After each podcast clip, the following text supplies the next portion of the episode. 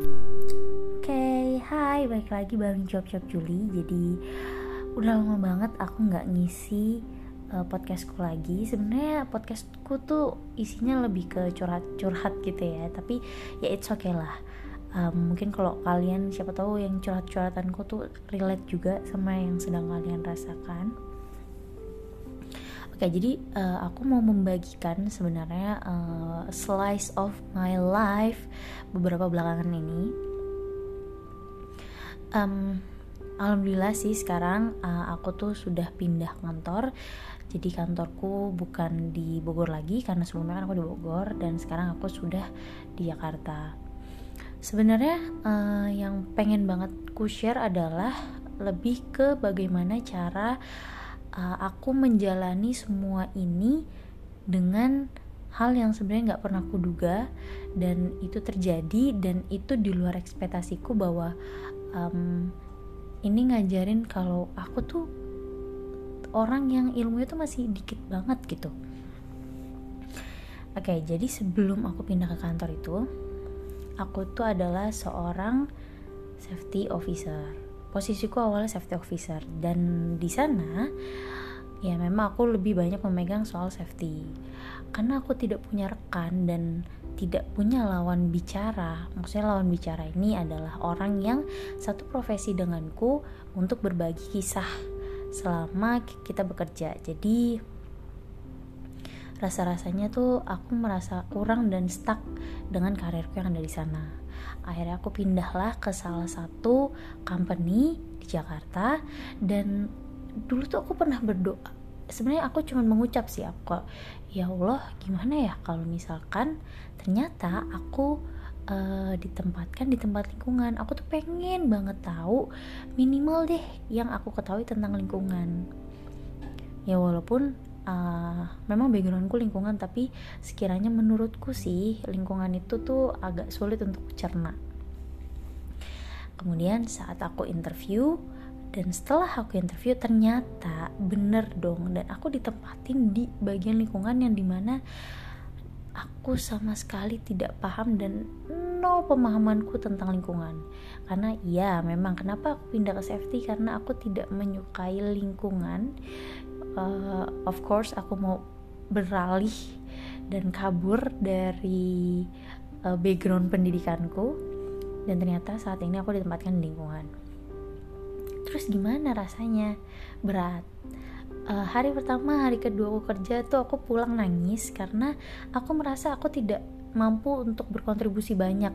Dan aku rasa tuh aku takut ketinggalan banyak gitu tapi seiring berjalannya waktu ya sudah jalani saja apa yang yang ada di hadapanku kalau misalkan suatu saat aku harus mundur ya udah berarti memang sudah jalannya Nah, cuman yang mau aku mau aku garis bawahi sih sebenarnya.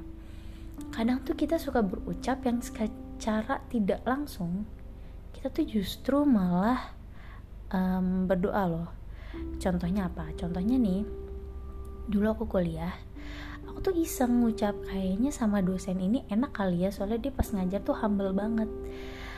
Nggak tahu gimana caranya Allah tuh ngasih jalan tiba-tiba aku satu perbimbingan dengan dosen ini aku bisa bilang enak gak enak ya ternyata semua ada positif negatifnya jadi ya aku rasa memang yang terbaik tuh keputusan Allah sih bukan keputusan kita ya. Karena selalu akan ada banyak orangnya kalau keputusan itu memang totally dari kita. Dan soal lingkungan pun juga sama. Aku berharap sebenarnya aku hanya ingin tahu hal-hal kecilnya tapi ternyata Allah kasihku ya udah kalau nyemplung deh loh nyemplung.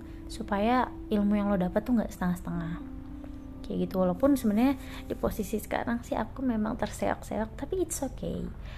Uh, itu adalah proses sih menurutku. Walaupun ya pasti uh, diomelin orang orang greget ngejelasin ke aku hal-hal yang sebenarnya berulang berulang berulang karena aku lama otakku memproses untuk hal tersebut untuk hal baru ya nggak apa-apa. Aku ngerasa kayak ya udah wajar orang jengkel uh, aku lebih baik orang jengkel ketimbang aku tidak mengetahui apa yang harus aku kerjakan nah itu sih sebenarnya yang yang apa ya yang aku rasakan selama uh, aku bekerja kurang lebih empat bulan aku baru 4 bulan 4 sampai 5 bulan dan itu yang aku rasakan. Jadi hidup tuh benar-benar nggak bisa aku prediksi sama sekali tapi ucapanku itu secara tidak langsung sebenarnya cepat atau lambat itu akan terkabul di waktu atau momen yang pas. Dan itu pun tidak bisa kita prediksi benar-benar terkabul apa enggak gitu. Karena ya sebaik-baiknya uh, doa yang terkabul adalah doa-doa yang baik buat kita gitu kan. Itu aja sih.